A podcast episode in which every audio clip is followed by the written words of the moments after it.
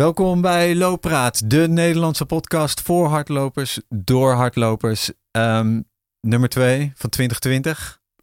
Heel vet shit, 2020. Ik zei het in nummer 1 ook al. Wat gek is, want die hebben we net opgenomen. Dus ik ga weer even een vraag stellen. Ga weer aan mij jij, vragen hoe het gaat. Ja. Het gaat bij mij nog steeds goed. Ja.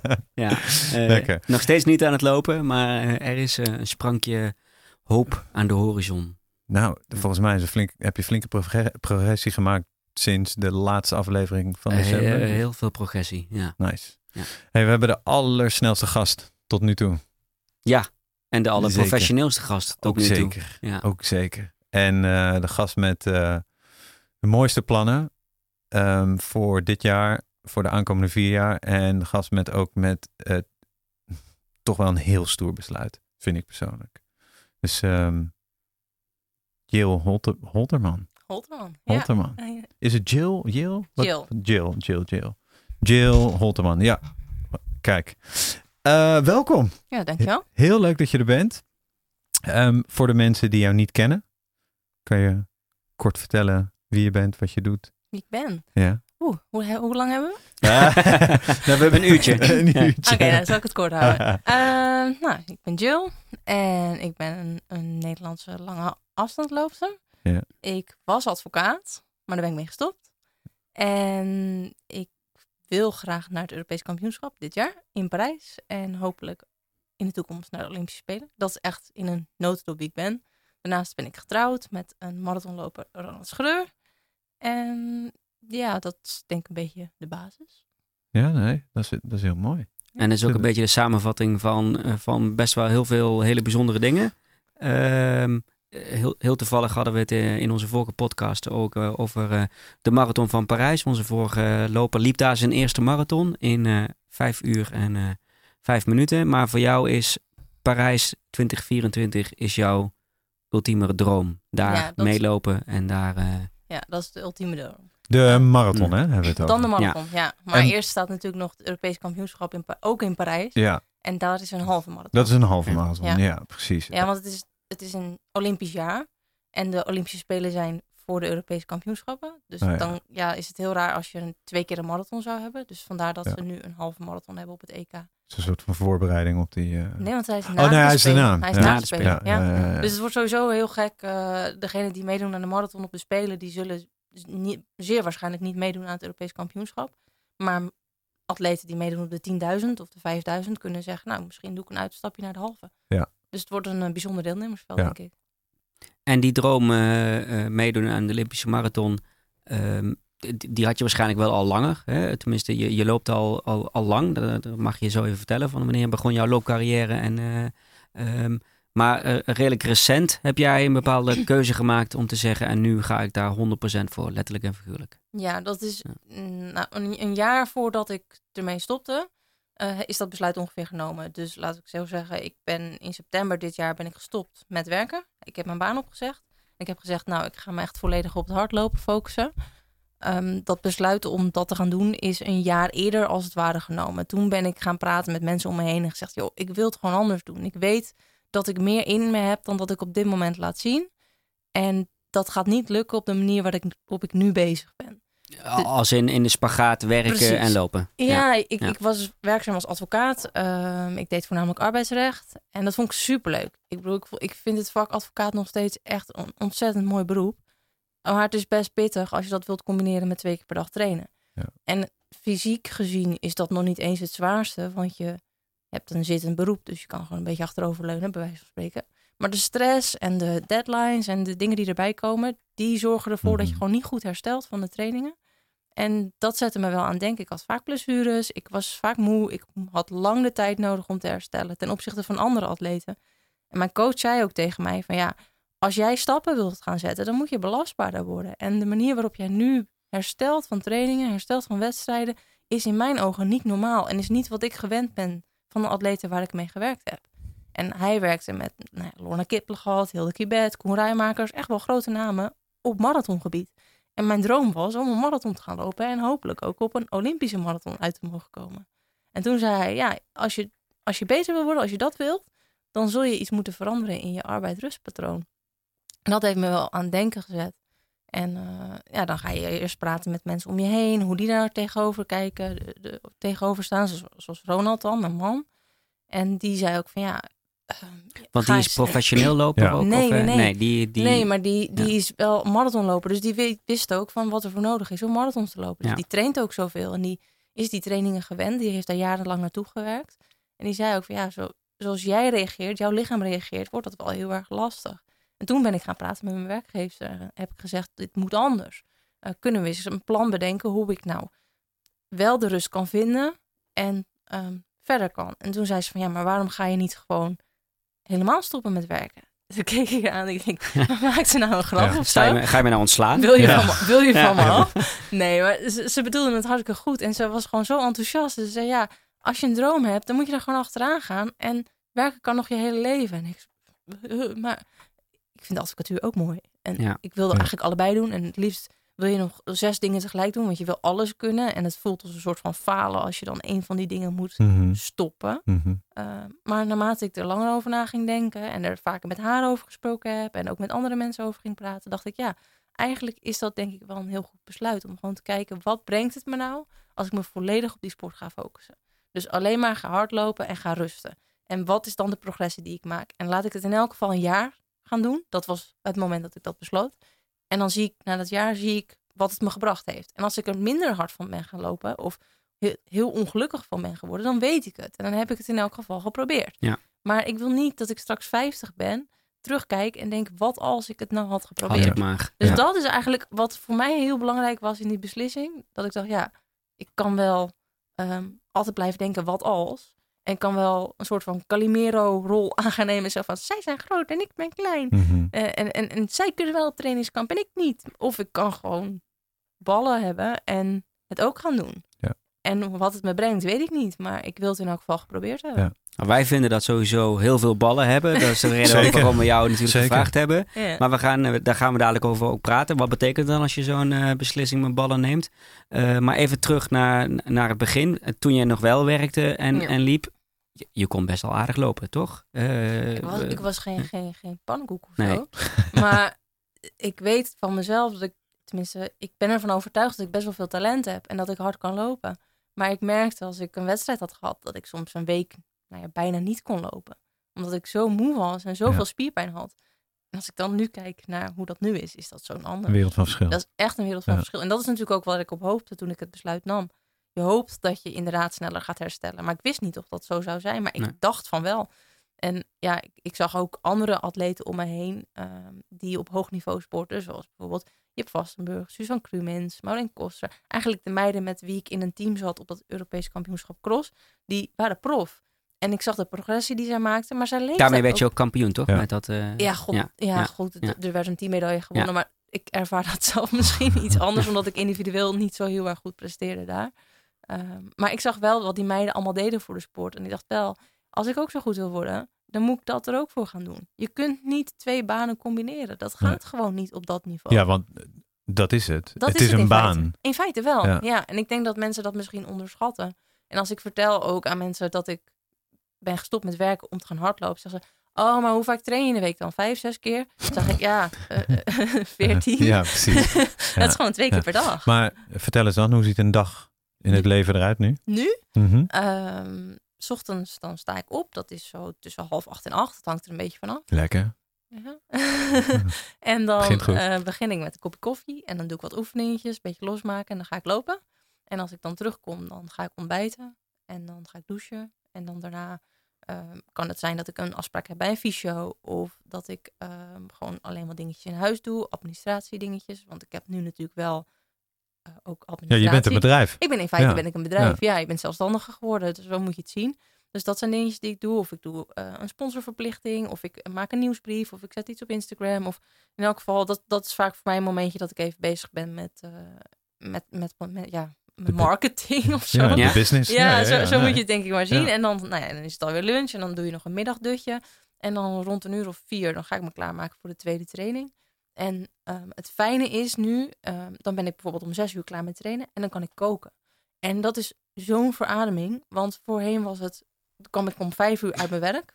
En dan moest ik eerst nog trainen en dan nog boodschappen doen. En dan nog koken. Dus Ja. wij aten eigenlijk meestal pas rond half negen s'avonds.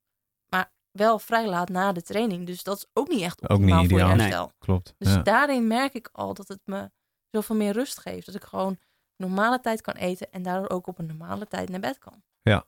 Dus er zit veel meer rust tussen de trainingen in, maar ook meer rust in mijn dagelijks leven. Want dat had ik gewoon niet. En, Valt- sorry. ga je gang. er, er valt, eh, hè, die, die, die keuze die, die, is, die, die is heel stoer. Hè? En, en zoals ik het nu hoor, werpt dat ook al meteen de eerste vrucht op. Al is het al aan je ritme en eh, de manier waarop je kunt trainen.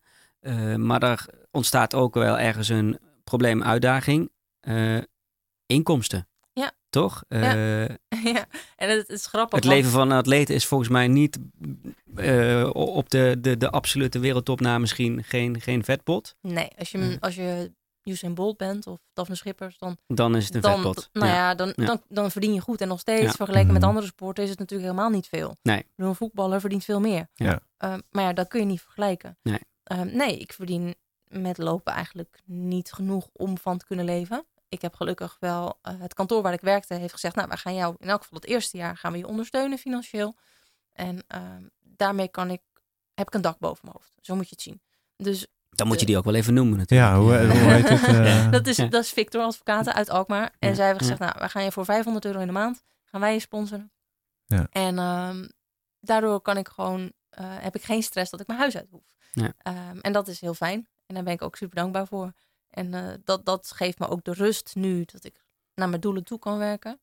Eh, maar met de sport zelf, ja, het is geen vetpot. En het grappige is dat ehm, er bestaat een misverstand ook over advocaten. Dat je ehm, heel, heel veel geld zult verdienen. En dus ook wel een goede, een goede bankrekening hebt om op te kunnen teren zo'n jaar lang. Maar dat is gewoon niet zo. En zeker niet als beginnend advocaat.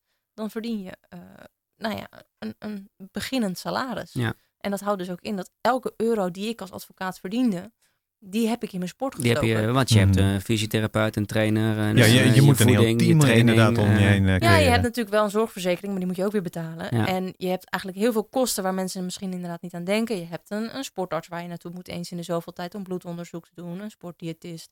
Je wilt op trainingskamp. Je, wil, eh, je moet je trainer betalen, je trainersfaciliteiten. Want je moet lid zijn van een atletiekvereniging om überhaupt een wedstrijdlicentie te hebben. Dus al die dingen bij elkaar, die moet je betalen. En eh, dat gaat niet van de lucht. Nee. Zo simpel is het. Nee. Dus ja, dat, dat is het natuurlijk een uitdaging. Maar ik merk nu, ook dankzij Victor Advocaten, dat ik niet echt stress erom heb.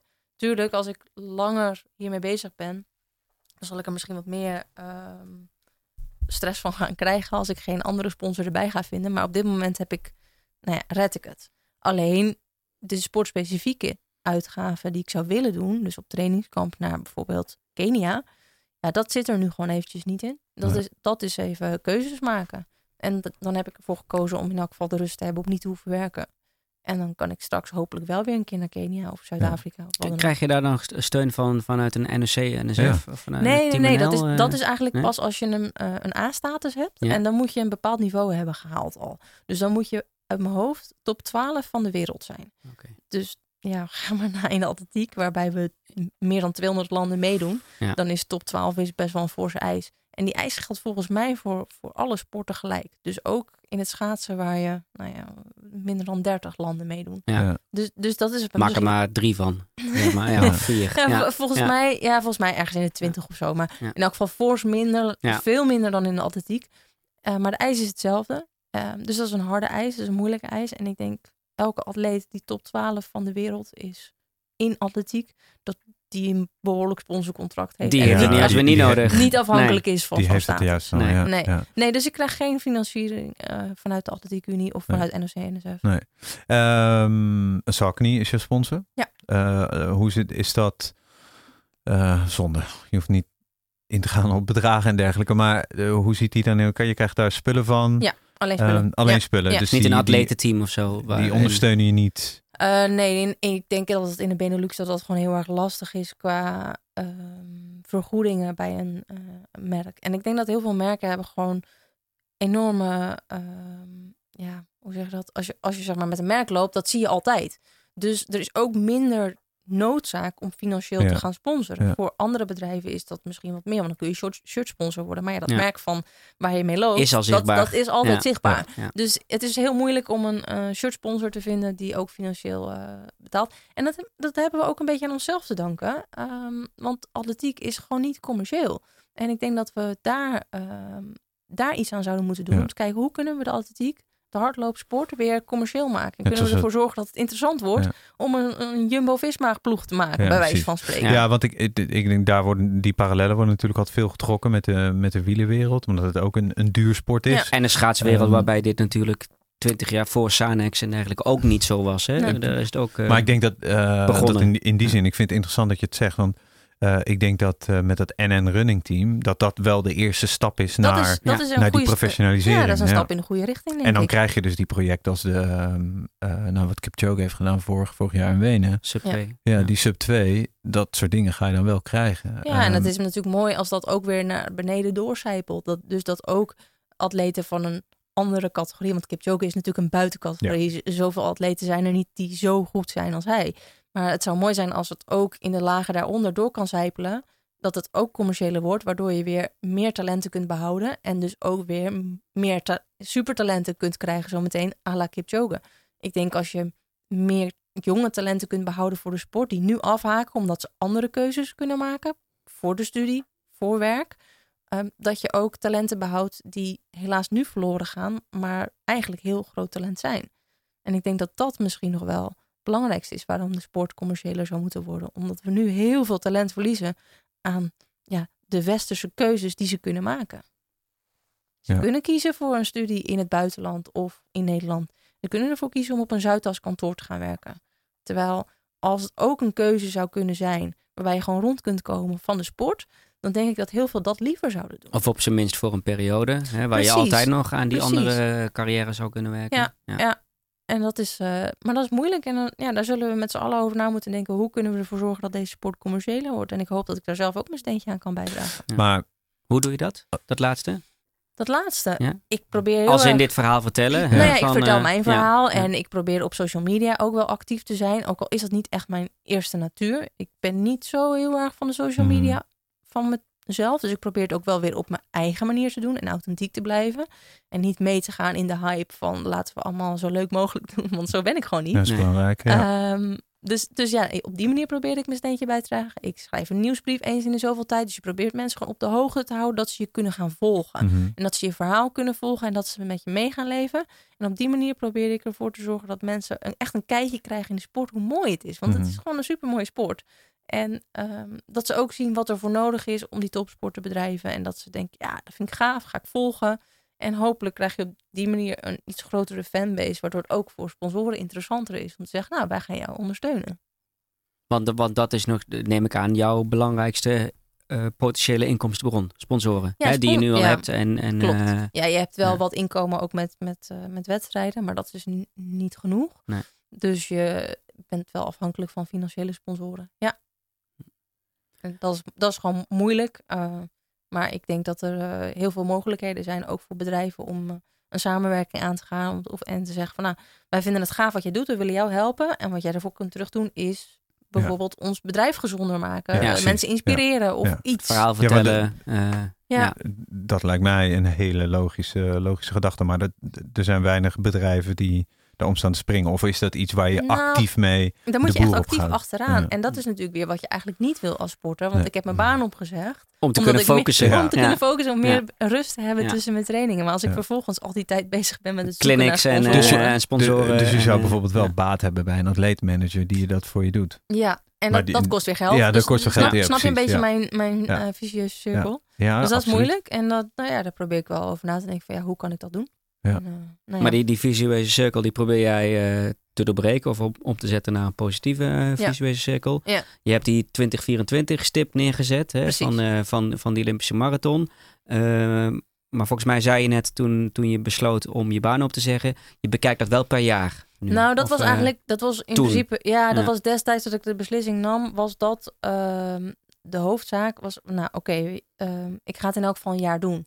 En ik ga alles doen om dat EK in Parijs te halen. En daarna weet ik ook wel, is dit iets wat ik, waar ik gelukkig van word? Ja. Want het zou natuurlijk kunnen als je komt uit een situatie waarbij je heel erg met je hoofd bezig bent en mensen om je heen hebt. En dat ik, nou ja, dat ik me misschien een soort van hersendood voel als ik een jaar lang geen advocatuur heb eh, bedreven. Maar tot nu toe valt dat reuze mee.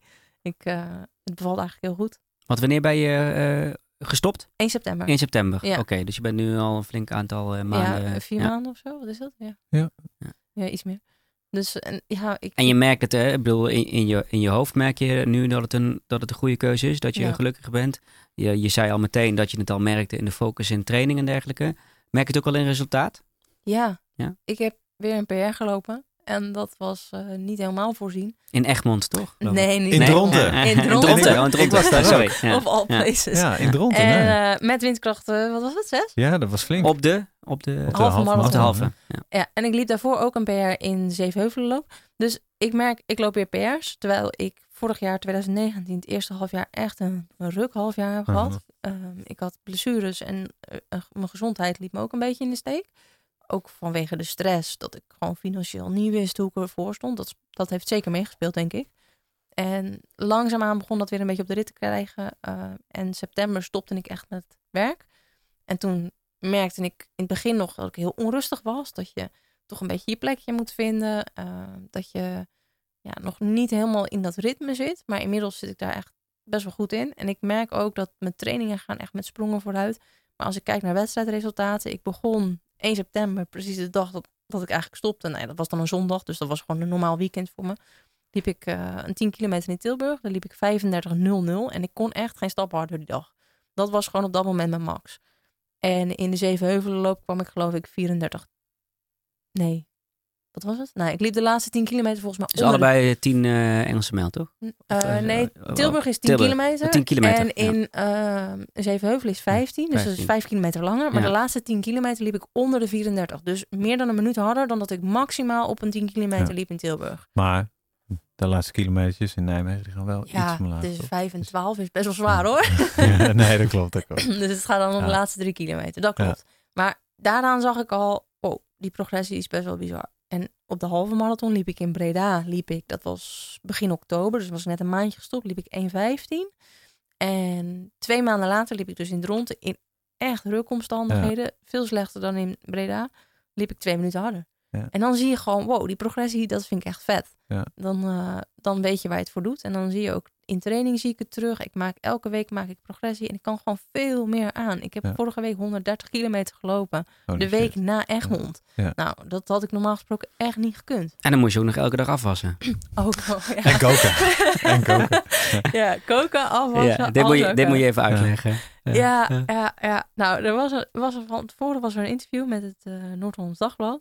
En toen heb ik als grap gezegd, als Ronald mij voorbij komt, of andersom, degene die als laatste over de finish komt, die moet de hele week afwassen. En dat, en dat was een beetje een geintje. En dat is ook wel wat wij tegen elkaar vaak zeggen, van nou, degene die als laatste over de finish komt, ehm, die is minder dan de ander. Nou, dat... Niet eh, gewogen naar eh, verschillen in Nou ja, tijden tussen, tussen Jawel, man want en je krijgt Ja. een voorsprong als vrouw. Oh, Maar natuurlijk, je start eerder. Ik kreeg Ja. negen minuten voorsprong. Dus dat, dat heeft te maken met het verschil in parcoursrecord. Ja. Dus ik wist, als hij mij inhaalt, dan is hij in theorie een betere atleet dan dat ik dat ben. En andersom, als ik hem voorblijf, ben ik beter. Dus degene die slechter zou zijn, die zou moeten afwassen de hele week. Alleen het NAD had vervolgens dat ene zinnetje als soort van headline gebruikt voor het artikel. En dat was een pagina groot artikel. En mensen stonden gewoon serieus met afwasborstels langs de kant. Dat ik, Wat de fuck is dit? En eh, ik heb de laatste kilometer geloof ik alleen maar gehoord. Dat wordt afwassen. Eh, Want je werd ingehaald. ja, Ja. maar heel snel al. Ja. Ik wist het op het strand. Na één kilometer wist ik al. Nou, Ronald gaat mij echt al heel snel inhalen. Kwam door omstandigheden? Of, eh, ja, er stond ja, heel veel wind. stond Ja. windkracht 7. Heel zwaar, ja. Ja, ik trek dat aan op een of andere manier. Windkracht 6, windkracht 7. En toen eh, gingen we niet lopen op het strand. Want niemand wil tegen die wind in op kop lopen. Nee. Ja. En jullie en- zitten en- natuurlijk in een wedstrijd aan zich. Eh, Ja, je, je, ja, je precies. bent niet alleen met die Kijk, tijd het, bezig. Het kan mij echt geen zak schelen wat Nee. voor tijd ik nou, maar daarvoor in ga je ook niet naar. Egmond Nee. natuurlijk. Nee, Nee. precies. Nee. En uh, dus, dus het werd heel tactisch. En dat begon al bij het startschot. Want het startschot ging en ik liep op kop en ik kijk om me heen. Ik denk, waar is iedereen? Ja, achter En jou. ze, ze waren, ze waren gewoon aan het joggen. Die Keniaanse Ja. dames en, en Ethiopische dames gingen gewoon joggen. Want ze wisten al van, nou, ik wil niet met die wind op kop lopen. Dus ik ging ook joggen. En ik, ik haalde mijn schouders op en ik, ik zwaaide nog naar Ronald. Van, nou, ik weet niet wat we aan het doen zijn. Maar dit slaat echt helemaal nergens op. En iemand langs de kant riep ook, het is een hardloopwedstrijd. Ja, dat weet ik. En eh, dus, die, dus die zeven kilometer op het strand ging zo langzaam. Voor ons dan. Hè? Ja. Ik bedoel, We gingen vijf minuten per kilometer gemiddeld.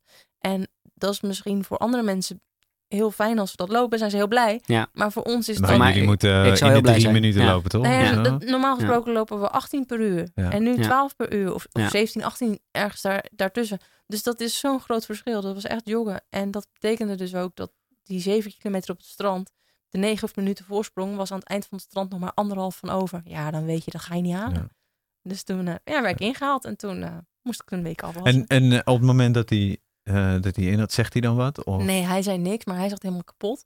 En ik schoot eigenlijk wel een beetje in de lach. Want ik denk, oh, nu Want al? hij had niet Nu al, gejoked. ja. Hij, nu al? hij liep in die Vol hele in grote wind. kopgroep. Ja, bij de mannen is mannen. natuurlijk een, het is een groep van 60 man, misschien 80. En wij waren met nou, hooguit 20. En dames zijn sowieso minder sterk. Dus ja, tegen die wind in beuken was voor ons echt wel lastig. Ja. En eh, ja, zij kwamen ons gewoon voorbij gedenderd op de camping al. Ik- ik- Er kwam een fietser kwam, eh, kwam van achter en die, die deed zo prrr, prrr.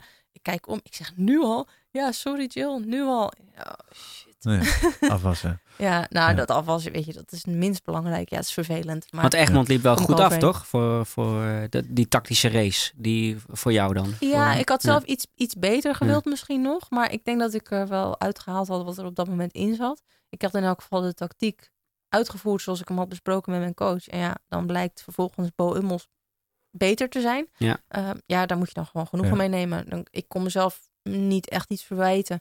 Ik had misschien iets minder met mijn krachten moeten smijten in de, in de duinen. Mhm. Maar ja, dat was wat ik had besproken met mijn coach. En eh, zo zou ik het uitvoeren. Dat heb ik gedaan. En ik heb ja, gedaan wat ik kon. En ze was gewoon beter. Ja. Zo eh, simpel Ja. is het soms. Ja. Dus je was tweede Nederlandse. eh, Ik was tweede Ah, Nederlands en vijfde internationaal. En ik had van tevoren gezegd, nou, ik zou mijn klassering van twee jaar geleden internationaal graag willen verbeteren. En mijn nationale klassering willen evenaren. Nou, dat is niet gelukt, dat laatste. Maar ik was wel beter dan twee jaar geleden, Ja. internationaal. En je gaf net aan dat hè, zo'n PR die je dan loopt in, eh in Dronten bijvoorbeeld, dat geeft je superveel energie. En, Ja. de, en de week na Egmond eh, loop je over 130 kilometer. Ja. Ehm, geeft veel energie, maar hoe, hoe ga je om met mindere momenten? Mm, ja, die heb ik gelukkig nu een tijdje niet gehad.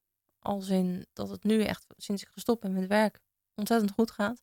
Maar tuurlijk heb ik in mijn carrière sowieso heel veel mindere momenten gehad. Blessures. Nou ja, vorig jaar dat ik eh, ook met mijn gezondheid liep te kwakkelen. Dat is best wel moeilijk. En ja, je vertrouwt er maar op dat het wel weer goed komt. En je probeert jezelf te motiveren om dan de dingen te doen die je wel kunt doen. Dus Ja. bijvoorbeeld op een crosstrainer of in een zwembad of op een fiets. En dat vind ik ook niet, dat vind ik echt niet leuk. Ik bedoel, daar maak ik me echt niet gelukkig mee. Ik wil gewoon hardlopen. Maar als dat ervoor nodig is om weer terug te komen en weer te kunnen doen wat ik wel leuk vind, dan doe je dat. Ja. En eh, ja, er zijn echt wel momenten dat ik denk, oh, ik heb geen zin. En dan is er altijd zo'n zinnetje in mijn hoofd die, van, ja, het kan ook zonder zin. Dus dan ga je. Ja. Zo die is het. mooi. Ja. Ja, die is mooi. Die, Je- moeten, je- die moeten we even quoten. eh, ja. show notes. Ja. Doen we... Ja, ehm, ja, e- even een vraag, want ik, ik, ik hoorde net in een van je antwoorden een, bruggetje. Je zei eh, Egmond, hè? Je, je had een plan gemaakt en eh, afspraken gemaakt met je trainer, et cetera, et cetera. En je hebt dat uitgevoerd en Ja. daarmee bleek je tweede te worden. We kregen een vraag van David Klein. Volgens mij had je hem al gezien, Mm. eh, de vraag. Ehm, Heel lang. eh, ja, heel lang, dus ik eh, probeer hem heel snel voor te lezen. Maar tijdens de laatste editie van de Zevenheuvelenloop kwam ik naast haar te lopen. Eh, ze liep in een groep met twee andere mannen en ik sloot aan. En ik vroeg haar wat haar plannen waren, zodat hij een idee had of het reëel was om bij jou te blijven of, eh, of niet. En toen zei hij blijkbaar eh, eh, dat je geen plan had en dat je voor een medaille liep. En hij vraagt zich af, tot de dag van vandaag, eh, hoe zoiets namelijk werkt. Hè? Je liep een dik PR, je werd tweede Nederlandse vrouw. Eh, had je helemaal geen tempo of eindtijd in gedachten? Eh, keek je wel op de klok bij 5 en 10 kilometer? Eh, overigens bleek zijn beslissing om bij je te blijven voor hem goed uit te pakken, want hij liep ook een heel dik PR. Nou, dat is mooi. Ja. Dat is een mooie afsluiting. Ja. Ja, Ik wil Ja. altijd nog wat spacer gaan werken. dat, dat Ja, zou kunnen. Dat heb ik het trouwens ook gedaan in Amsterdam. Toen heb ik Oh, ja. 25 kilometer gehaast voor Miranda Boomstra. Maar eh, heb ik geen plan? Ja, ik heb natuurlijk wel een plan. Maar het zijn twee dingen in feite. Want ehm, hij kwam bij mij lopen. Ik kan het me niet helemaal goed herinneren. Maar ik weet dat iemand Jij zit vroeg- ook in een zone, neem ik Ja. aan. Precies, En ik, weet dat, ja. ik weet wel dat iemand aan mij vroeg van wat is je plan? En ehm, to- dat ik gezegd heb, ik heb geen plan, dat kan ik me ook nog herinneren. Dat, dat heeft twee redenen. Eén, ik had ook niet echt een plan qua tijd. Want ik wilde mezelf niet belemmeren in tijd. Ik wilde gewoon kijken wat ik kon. En ik wilde vooral op gevoel lopen. Dus mijn plan was heel erg van... Oké, de eerste vijf kilometer wil ik ontspannen, maar wel vlot lopen. En dan tussen 5 en 12 ga ik echt pushen, want dan heb je de zwaarste heuvels. En vanaf 12 gaat het naar beneden, dus dan haal je de finish toch wel. Dat was mijn plan. Ja, om dat te gaan uitleggen tijdens een wedstrijd, Ja. dat zag ik sowieso niet helemaal zitten. Nee, dat snap ik. Eh, en het is ook gewoon heel erg vaag, want Ja. ja, dat kan ik ook niet uitleggen. Dus Nee. je hebt wel En je hoeft het ook niet uit te leggen aan nou, iemand het is, anders, het is, toch? ik, heb Ja. ik heb op zich wel Ja. dus een plan, alleen Ja. dat is vaak op gevoel. Dus ik loop niet op tijd. En dat heeft ermee te maken met dat ik vaak zelf beter voel hoe het gaat ehm, als, ik, nee, als ik op gevoel loop. Ja. Eh, maar ook omdat ik mezelf echt niet wil begrenzen met ik wil die en die tijd lopen. En dat is natuurlijk in onze sport heel moeilijk, want het gaat eigenlijk altijd op tijd. Mhm. Maar als ik een doorkomsttijd zie, wil ik niet schrikken. En dat was nu eigenlijk ook. Ja, ik zag, een, ik zag die doorkomsttijd en ik weet niet meer. Ik, denk- ik geloof 17. Nou, ergens in de 17 minuten. 17, 15, 17, 20. Iets in die buurt. En ik zag het. Ik heb het waargenomen. Ik heb het zelf onthouden. Maar ik deed er op dat moment helemaal niks mee. Nee. Want ik dacht, ja, het voelt lekker. En ik loop gewoon door. prima. ja. En eh, volgens plan in de zin van het voelt ontspannen. En nu gaan we rossen. Mhm. Maar je zei ook van ik loop voor een medaille. Ik kan me ook voorstellen dat, dat Ja, je dan ook kan, dat anders... kan ik me echt niet herinneren dat ik dat gezegd heb. Nee. Want dat is eigenlijk helemaal niet mijn focus geweest. Mijn focus was gewoon een goede wedstrijd neer, Ja. neerzetten. Want, want als je voor een medaille loopt, kan ik me wel voorstellen dat je niet eens een plan hebt. Hè? Want net zoals een Egmond wat je schetst, soms is een begin van de wedstrijd heel tactisch. ja. Dat komt niet ten goede van je tijd. Eh, Nee, maar Egmond eh, is sowieso een ja. wedstrijd waar je niet voor een tijd gaat lopen. Nee. Daar is het parcours te zwaar voor. Het is ook geen officieel parcours. Want Nee. als, het, als het app is of vloed, Ja. dat maakt nogal uit Ja. voor de afstand. Ja. Maar het is eh, meer... Ik probeer gewoon een, een goede race neer te zetten. En hem zo in te delen dat ik bij de finish alles eruit heb gehaald wat erin zit. En of dat een nieuw persoonlijk record is... of een medaille op een Nederlands kampioenschap... Dat, dat hangt van de wedstrijd af. Ik weet dat ik in Zevenheuvelen wilde en ik gewoon een goede wedstrijd neerzetten. Ja. En hopelijk sneller lopen dan wat mijn persoonlijk record op dat moment was. Ja. Dat is gelukt. Ehm, dat ik voor de medaille liep, dat kan ik me niet herinneren. Want het ging daar ook niet om medailles. Want het was geen NK of zo. In Schorrel zometeen is dat natuurlijk anders. Ja. Want dan is het een Nederlands kampioenschap. En dan gaat het om medailles. en dan, kan de dan tijd onthoudt weer- iedereen wie het Nederlands kampioen geworden is en niet welke tijd je Dan gelopen kan in hebt. feite de Ja. tijd kan je dan gestolen worden. Hoewel Ja, dat geldt voor Parijs eh, straks ook en voor eh, een WK en een. EK Maar om je te ook. kwalificeren voor Parijs moet je wel een tijd Ja. lopen. Ja. Dus dan, moet, Ah, je ja, wel, moet je wel dan weer. moet je wel weer een beetje met een Ja. plan lopen. En dan loop Ja. je dus ook met een haas. En dan is het plan eh, misschien bepaalde doorkomsttijden. Maar dan is het vooral, ik volg de jongen die nu voor mij het tempo maakt. En ik vertrouw erop dat hij het goede tempo loopt. En ik Ja. probeer in mijn zone te zitten. En Ja. nou ja, eh, in de flow te komen. En, en hopelijk de Ja. wedstrijd van mijn leven te lopen. Kijk je vaak, eh, draag je een horloge tijdens het lopen? Tijdens ja, wedstrijden? Sinds, ja, sinds, sinds een, een jaar of zo doe ik dat. Dat deed ik eigenlijk nooit. Met hartslag ook. Of Ja, eh, het is, het is polsmeting. Ja. Dus Het is polsmeting, het is niet heel niet heel betrouwbaar. Nou, Nee. het werkt vrij goed hoor. Het werkt vrij nauwkeurig, maar het is niet 100% Is dat betrouwbaar. een sponsor van je?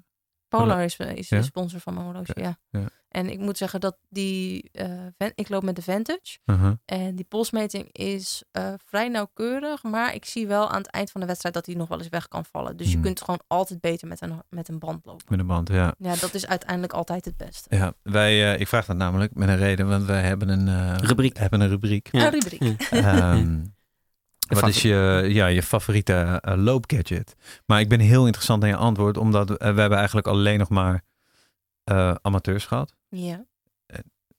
Dat klinkt heel negatief. Ja, maar no dat. Ook wel no hele goede, ja. hele goede amateurs. Hele goede amateurs Ja. en amateurs die heel ver lopen, op, eh, minder ver. Maar, maar jij als professional, ik ben heel benieuwd of je ook, op, of je ook iets hebt. ja mijn schoenen. Ja. Of telt dat niet? Nou, ja, zeker ja, wel, ja, ja. ja. Ja, Ja. uiteindelijk, ik heb mijn schoenen nodig. Ja. Ik heb altijd mijn Dan hardloopschoenen. loop je, loop je op een specifiek, ehm, een specifiek model van Saucony? Of, Nou, ik heb denk ik wel twintig paar schoenen. ja, Als mensen zal bij ons thuis komen, dan zeggen ze altijd, "Waar- oh, wat hebben jullie veel schoenen? Meer hardloopschoenen als uh, Veel meer hardloopschoenen. dan, Ik denk in totaal dat ik wel 100 paar hardloopschoenen heb. Ja. Maar degene die ik actief gebruik, zo eh, 10, 15 paar of zo. Maar in mijn duurlopen loop ik eigenlijk sinds, eh, sinds uitkomst van die schoen op de Triumph 17. Mhm. En die vind ik echt fantastisch. En die, die kan ik zelfs voor tempo's gebruiken. En ja. wedstrijden gebruik ik dan de Ki- Kinvara Oh, ja. ehm, of de Fastwitch. Ja. Dus, dus ja, ik, ik gebruik eigenlijk heel veel verschillende schoenen. Voor elk onderdeel gebruik ik wel weer een ander, ander model. Dus ehm, ja, dat is natuurlijk het allerbelangrijkste voor een loper. Is dat ik goede schoenen heb. Je kan Ja. wel op mijn blote voet gaan lopen. Maar ik denk niet dat het goed gaat komen. Ben je ook een materiaalfreak? Als in dat je ook continu met schoenen bezig bent, wat er beter zou kunnen? Of, Hmm. of wanneer je welke aantrekt? Nou, er is Eh, natuurlijk nu ja. een enorme discussie aan de Ja. gang over de Ja. carbon in, Ja. in schoenen. Dus dat volg ik op de voet, zeker. Oh, mooi gezegd. Ja. Precies. Ik zag laatst iemands profiel zou staan Carbon Free Athlete. Ja. Eh, Ja, ik weet niet wie heb- het was. ik- maar, Maar- Ik heb die Ja. grap wel eens Oh, gemaakt. ja, ja. oké, dan was jij denk ik. Nee, Ja. het staat, Nee, niet op, nee. staat zeker Ja. niet op mijn profiel, maar ik Ja. heb die grap al eens een keer gemaakt natuurlijk. Ehm, ja, dat is, dat is een, een ontwikkeling in de sport, dat, dat volg je wel.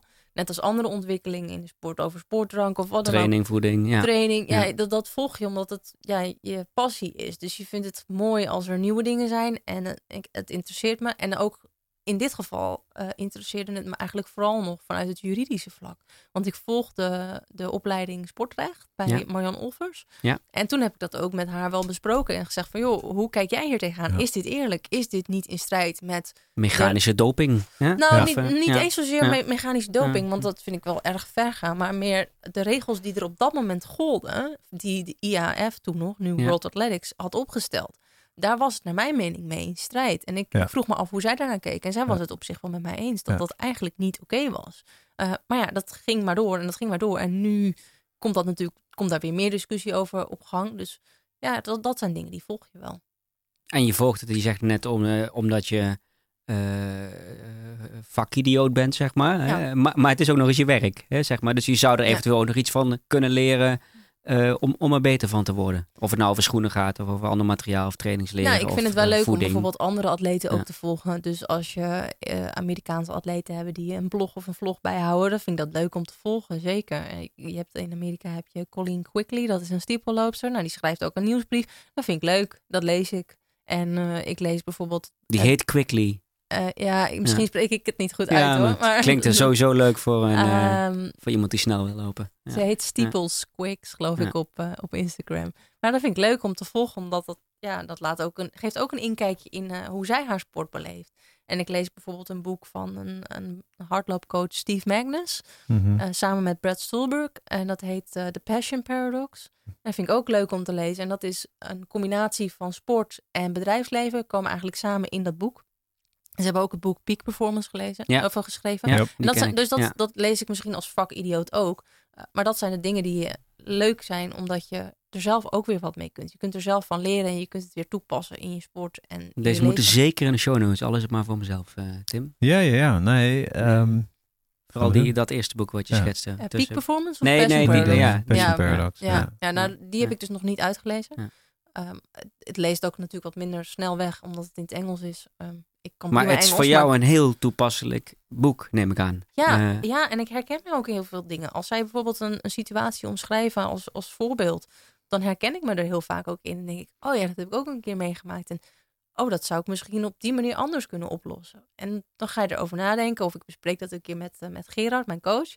En nou, die, die ziet dat ook wel. En ik ben ook wel iemand die heel ehm, ja, gepassioneerd of, of heel erg in extreme kan zijn. Ik kan all-out gaan in een wedstrijd. Ook al is het soms niet de verstandigste oplossing. Gewoon zo gedreven vanuit passie. Dat ik niet altijd meer nadenk over of dat het allerslimste is. En dat is dan iets wat ik dan weer met mijn coach kan bespreken. Dat hij zegt, nou, volgende keer kun je het beter zo doen. En dat, ja, dat kun je dan weer toepassen. Is er eigenlijk wel eens coaching eh, van een, eh, tijdens een race, eh, tijdens de race? Ja, wat natuurlijk in wielrennen gekomen is met de oortjes en Mhm. de... Nee, dat heb je met Nee, hè? niet. Ja, je hebt geen Zou oortjes. mogen? Nee, het is verboden. Verboden, Tenminste, ja. eh, oortjes zijn sowieso verboden. Ja. En coaching vanaf een fiets mag meestal ook Ja, niet. wat je ziet wel eens dat er iemand mee fietst Ja, inderdaad. eh. nou, Ja, maar Geer- dat is de, Ja. Gerard die steekt vaak door. Dus Ja. die is dan wel op de fiets, maar dan gaat hij bijvoorbeeld op eh 10 kilometer punt op plekken staan. staan. En dan Ja. gaat hij vooruit fietsen en dan Ja. staat hij op 15 weer. Maar Ja. mee fietsen op het parcours is meestal verboden. En volgens mij is dat ook alleen... ehm, Ik de- zie Jos, Hermans altijd op een motor Ja. op een... eh, Ja, ik, dat maar die is is dan... dan weer een atletenmanager. Ja. ik weet Ja. niet hoe dat dan met de organisatie of iets dergelijks geregeld is. En- Maar dat, dat zal er van, van de wedstrijd ook afhangen. Volgens mij zit Jules ook bij ehm, in Amsterdam bij de selectie van de elite. Ik weet niet precies Ja, hoe zij, Ja, zij regelen het wedstrijdsveld. Eh, eh, Ja. race director. ja. Of is hij? ja, nee, hij is nee, geen. is niet nou, helemaal de naam. Maar goed, je- ik snap Ja. wat je bedoelt. volgens ja. mij zit hij daarom ook op de motor altijd. Ja, Ja. je ziet wel vaak dat, ze op, dat er één iemand op een motor is die dan bijvoorbeeld tussentijden doorgeeft. Of die Ja. dan aan de kop van de wedstrijd, jullie liggen op schema voor Ja. wereldrecord, et cetera.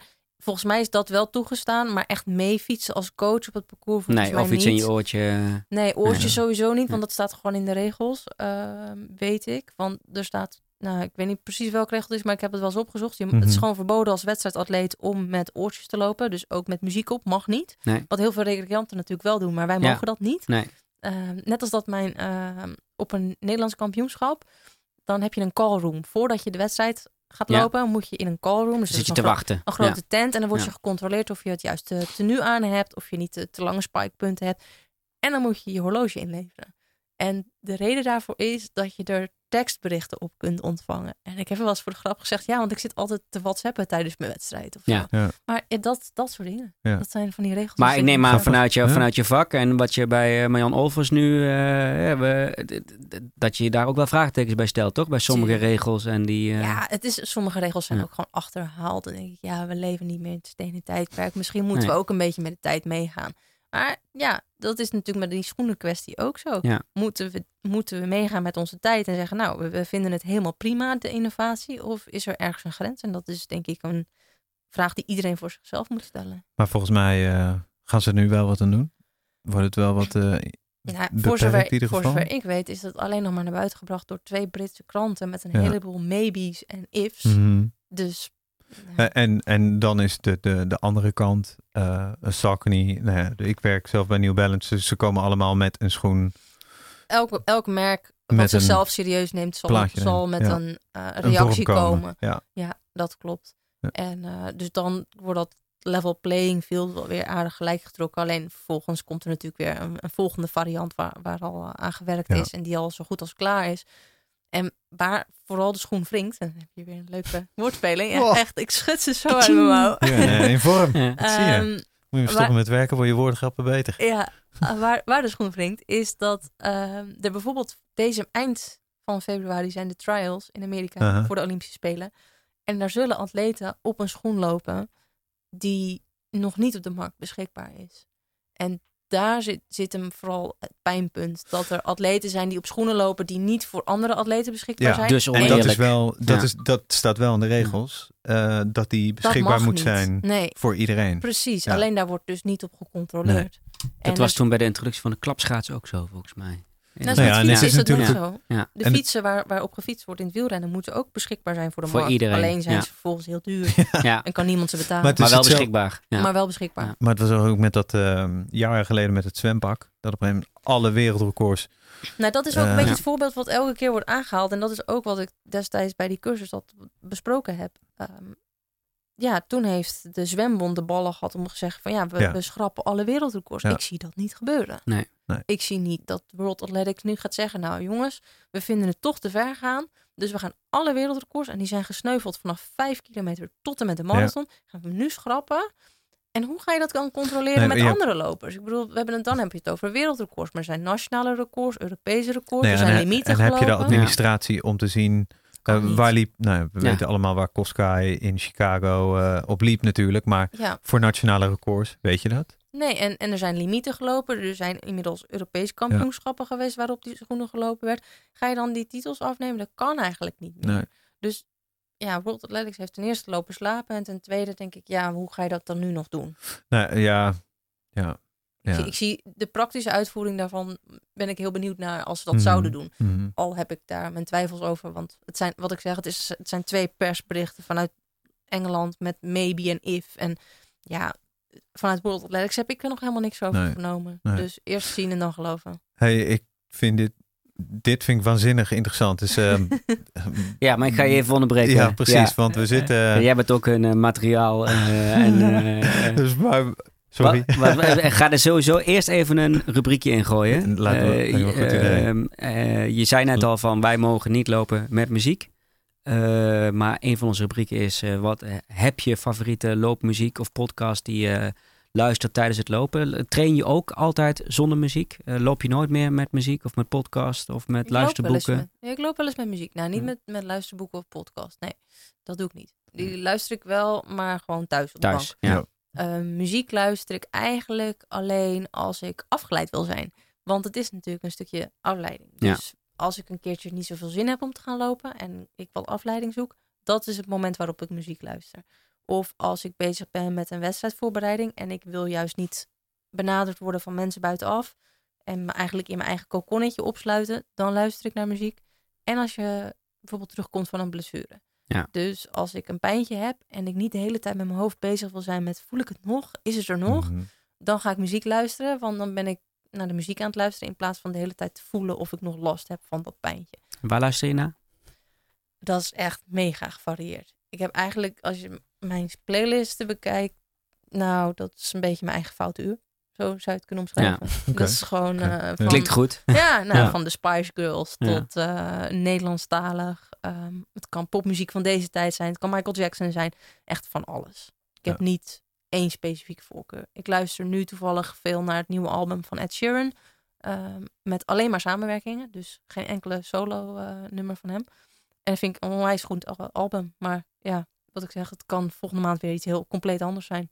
Een podcast? Gaan die ook over de, de dingen waar je het net over had? eh, over... eh, Ja, eh, lu- hardlopen eigenlijk. maar ik luister, ja. ik luister niet echt naar podcasts. Ja. Bijna nooit. Uh, Ja. Ik luister wel Suzy Q&A, die vind ik leuk. Ja. Mhm. En ik ga natuurlijk die van jullie Een luisteren. mede-atleet. Ja. Ja. Eh, Ja. En, En- ehm, op mijn wishlist staat nog wel die van, eh van Laurens ten Dam. Dat lijkt me wel, eh, dat is leuk. een hele fijne. Ja. Ja. die krijg ik eigenlijk wel van iedereen aangeraden. Maar Ja. ik weet niet, ik heb nog niet echt het geduld gevonden om naar een podcast te gaan luisteren. Dus Nee. dat zijn nog van die dingen, ja, dan moet ik misschien eens een keertje overwegen. Hey, eh, ook eh, eh, tijdtechnisch moeten we het, eh, moeten we het gaan afronden. Ehm, een, Terwijl, een terwijl ander- ik eigenlijk nog wilde beginnen met... Hoe begon het ooit allemaal, het lopen? En wanneer, wanneer werd het eerste zaadje voor die droom 2024 eh, geplant? Ja. Maar Nou ja, vertellen. vraag. Ja. Eh, Ja. Ik begon met lopen dat ik 12 was of zo. een beetje achterom, achterom hoe Ja. dat andersom dit Ja, gesprek. hè? hadden we hiermee eh, moeten beginnen. ja, Dus, ja, Ja. dat wilde ik eigenlijk ook. Maar toen ging het al zo snel over hele interessante dingen dat ik hem even vergeten was. Ja, toen ik 12 was, begon ik met atletiek. Want toen hadden we een sportdag gehad op school. En toen bleek dat ik best aardig kon lopen. En ik zat op paardrijden op dat moment. En vond mijn vader helemaal niks. Die zei, ga alsjeblieft van het stomme paard af. En ga lekker hardlopen. Of ga in elk geval op atletiek. Dus toen dacht ik, nou oké, vind ik ook leuk. Dus toen ben ik op atletiek gegaan. En in de eerste periode doe je alles. Hè? Verspringen, kogelstoten, eh, al, al, alle onderdelen. Ook al vond ik er geen zak aan. Ik wilde eigenlijk vooral lopen. Ik vond hoogspringen nog wel leuk, totdat ik op een gegeven moment onder de lat doorsprong. Toen vond ik dat ook niet meer echt heel erg, heel erg leuk. Ehm, ik heb nog hordenlopen gedaan. Dat vond ik ook wel geinig, totdat je een keertje nou ja, goed tegen zo'n horde aanknalt. Toen dacht ik, maar hoeft ook niet meer per se voor mij. Dus ik wilde eigenlijk vooral lopen. En toen ik 15 was, ben ik één keer in de week bij een loopcoach gaan trainen. Die dacht dat ik ouder was, want eigenlijk mocht je pas vanaf je 16e bij hem trainen. En dat is langzaam gegroeid van één keer per week naar twee keer, drie keer en inmiddels twee keer per dag. Dat is een hele mooie, snelle samenvatting. Ja, ja, ik kan heel goed samenvatten. We, we, we hebben nog een rubriek, eh, altijd tegen het einde. Dat is de Loop je niet kapotkast tip. Hè? Dus welke tip heb jij voor onze luisteraars? Eh, nou, en dat zijn dus in de meeste gevallen gewoon eh, huistuin- en keukenlopers, net zoals wij. Eh, m- hè, ook, ook met een droom, ook wel mensen die natuurlijk heel serieus lopen. Maar is er iets wat jij vanuit, jou, eh, vanuit jouw atleten bestaan met, met hun kunt delen? Wat zou jouw ultieme tip zijn voor... Oh, de ultieme tip die bestaat niet. Want er zijn zoveel dingen waar je rekening mee moet houden. Ik denk dat het vooral heel belangrijk is dat je leert luisteren naar je lichaam. Dat je merkt wat je grenzen zijn. En dat je dus ook voldoende rust inbouwt. Ehm, ook als je wel een baan hebt. Dat je ehm, als je een hele dag heel hard gewerkt hebt en daarna nog even wil lopen, dat kan best. Maar hou het dan ontspannen als het echt een zware dag geweest is. Ja. Ehm, heb je een wat betere dag, dan zou je misschien in het weekend of, of op een rustigere dag kun je wat harder gaan trainen. Dus echt je eigen grenzen leren aanvoelen is heel belangrijk en er vooral ook niet overheen gaan. En ik ben ook met vallen en opstaan erachter gekomen wat voor mij werkt en wat voor mij niet werkt. En ook nog steeds ben ik geneigd vanuit mijn enthousiasme om soms te veel van mezelf te vragen of te veel te willen. Je wil vaak te snel. Je wordt een soort rupsje nooit genoeg. Het gaat zo lekker en je wil steeds meer je wil steeds harder. Uh, en dan is het gewoon heel belangrijk dat je blijft nadenken en denkt: oké, vorige week heb ik drie keer gelopen en dat ging goed. Dan is het niet handig als ik nu tien keer ga lopen. Dus wel blijven nadenken over wat verstandig is. Dat je, dat je bij wijze van spreken zou gaan nadenken: alsof het iemand anders is. Dus de buurvrouw. Als de buurvrouw de ene week drie keer loopt en de week daarna tien keer, Dan zou je wat zou je dan tegen tegen haar zeggen? Ja. Zou je Ja. dan zeggen Ja. dat is, Ja. lijkt me een goed idee? Ja. Of zou je zeggen dat is misschien niet zo handig? Dat is echt een hele goeie. Wat zou je adviseren? Ja. Dus, Ja. dus ik denk dat je er misschien meer zo over moet nadenken. Ja. Want bij jezelf kun je vaak niet zo heel erg objectief meer zijn. Want je denkt altijd, kan wel. Terwijl als je het bij iemand anders zou zien, dan zou je zeggen, dat kan niet. Mhm. Dus Ja. dat is denk ik misschien nog wel eh, een goed idee. Vind ik een goeie. Vind ik een hele mooie. Ik heb één ding Ja. voor we gaan afsluiten. We Ja. hebben natuurlijk eh, over de, nou ja, de financiële situatie gehad. Ehm, kunnen wij zelf nog, eh, en alle luisteraars, kunnen wij zelf nog bijdragen? Ja, dat kan. Ehm, er is sowieso een, ja, een soort van crowdfunding op eh, geef.nl. En die kun je vinden via mijn website, jillholterman.nl. We zullen het in de show notes zetten. Nou, dat is heel fijn. En daarnaast, ja, mocht iemand een bedrijf weten of ehm, andere mensen kennen die mij misschien willen sponsoren, ik hou me echt van harte aanbevolen. Neem contact met me op en dan kan ik kijken wat we voor elkaar kunnen betekenen. Ehm, en voor particulieren, ja, dan is denk ik crowdfunding eh, de meest aangewezen voorziening. Ja. En dat, dat staat op mijn website. Nou, ja, je kunt ook naar geef.nl slash, ik geloof Take Me to Paris heet. eh, maar eh, ik denk dat het makkelijkst is als je gewoon naar mijn website gaat. Jill, Holterman.nl. kijk, happa. Ehm dankjewel. Ja, Ja, Dank eh, jullie ook bedankt ik- voor je Ik tijd. heb een beetje het gevoel dat we eh, aan 60 minuten een beetje tekort hadden. En nou, we zitten op 50 minuten trouwens, maar de studiotijd raakt op. Ja. Ehm, ja, super interessant. Ik wens je echt alle succes voor de Europese kampioenschappen. Dankjewel. We Parijs, blijven Olympische volgen. We volgen die al, maar we blijven je Ja. volgen. Eerst, Zeker. eerst Ja. kwalificeren, dat is natuurlijk Ja. eh, de Ja. eerste stap. En dan hopelijk daarna knallen in Parijs. Zo is het. Knallen, knallen in Parijs. Eh, waar kunnen mensen je vinden? Op Instagram? We Naast, naast.nl, Ja, Ja, Instagram. Ehm, ja. Instagram heet ik gewoon Jill Holterman, geen Oké. gekke dingen. En Twitter hetzelfde. oké. En eh, mijn website, jillholterman.nl. Dat is eh, eigenlijk Dat is het. alles, denk Helemaal ik wel. Ja, LinkedIn, maar is niet zo interessant. Voor de zakelijke. Voor de bedrijven misschien. Ja. Ja, ja, ja, ja, maar voor mijn advocatuur eh, is daar weinig actie op dit moment. Alright, nou, de, Anton-Jan, wij zijn eh, te vinden op loopgraad.nl. Ja. Kan je inschrijven voor de nieuwsbrief en dan hoor je als eerste wanneer deze podcast online staat, wanneer je kan beluisteren. Ook op alle platformen, waarbij eh, Apple Podcasts belangrijk is, want dan kan je onze review achterlaten. Vier, vijf sterren zijn we heel blij mee en daardoor komen we hoger in de algoritmes, in de ranking. En eh, dan worden we nog beter beluisterd. Ehm, voor de rest op Spotify, eh, nou, alle platformen, daar zijn we, zijn we op te luisteren. Ehm, en ehm, luister je je loopmaatje geen podcast, dan moet je ons even doorsturen, want dan eh, is het ook goed voor ons. Voor tijdens het lopen of na het lopen. Zo is het. Dat was hem denk ik hè? Dat was hem. Tot over een paar weken alweer. Yes. Oké, hoi.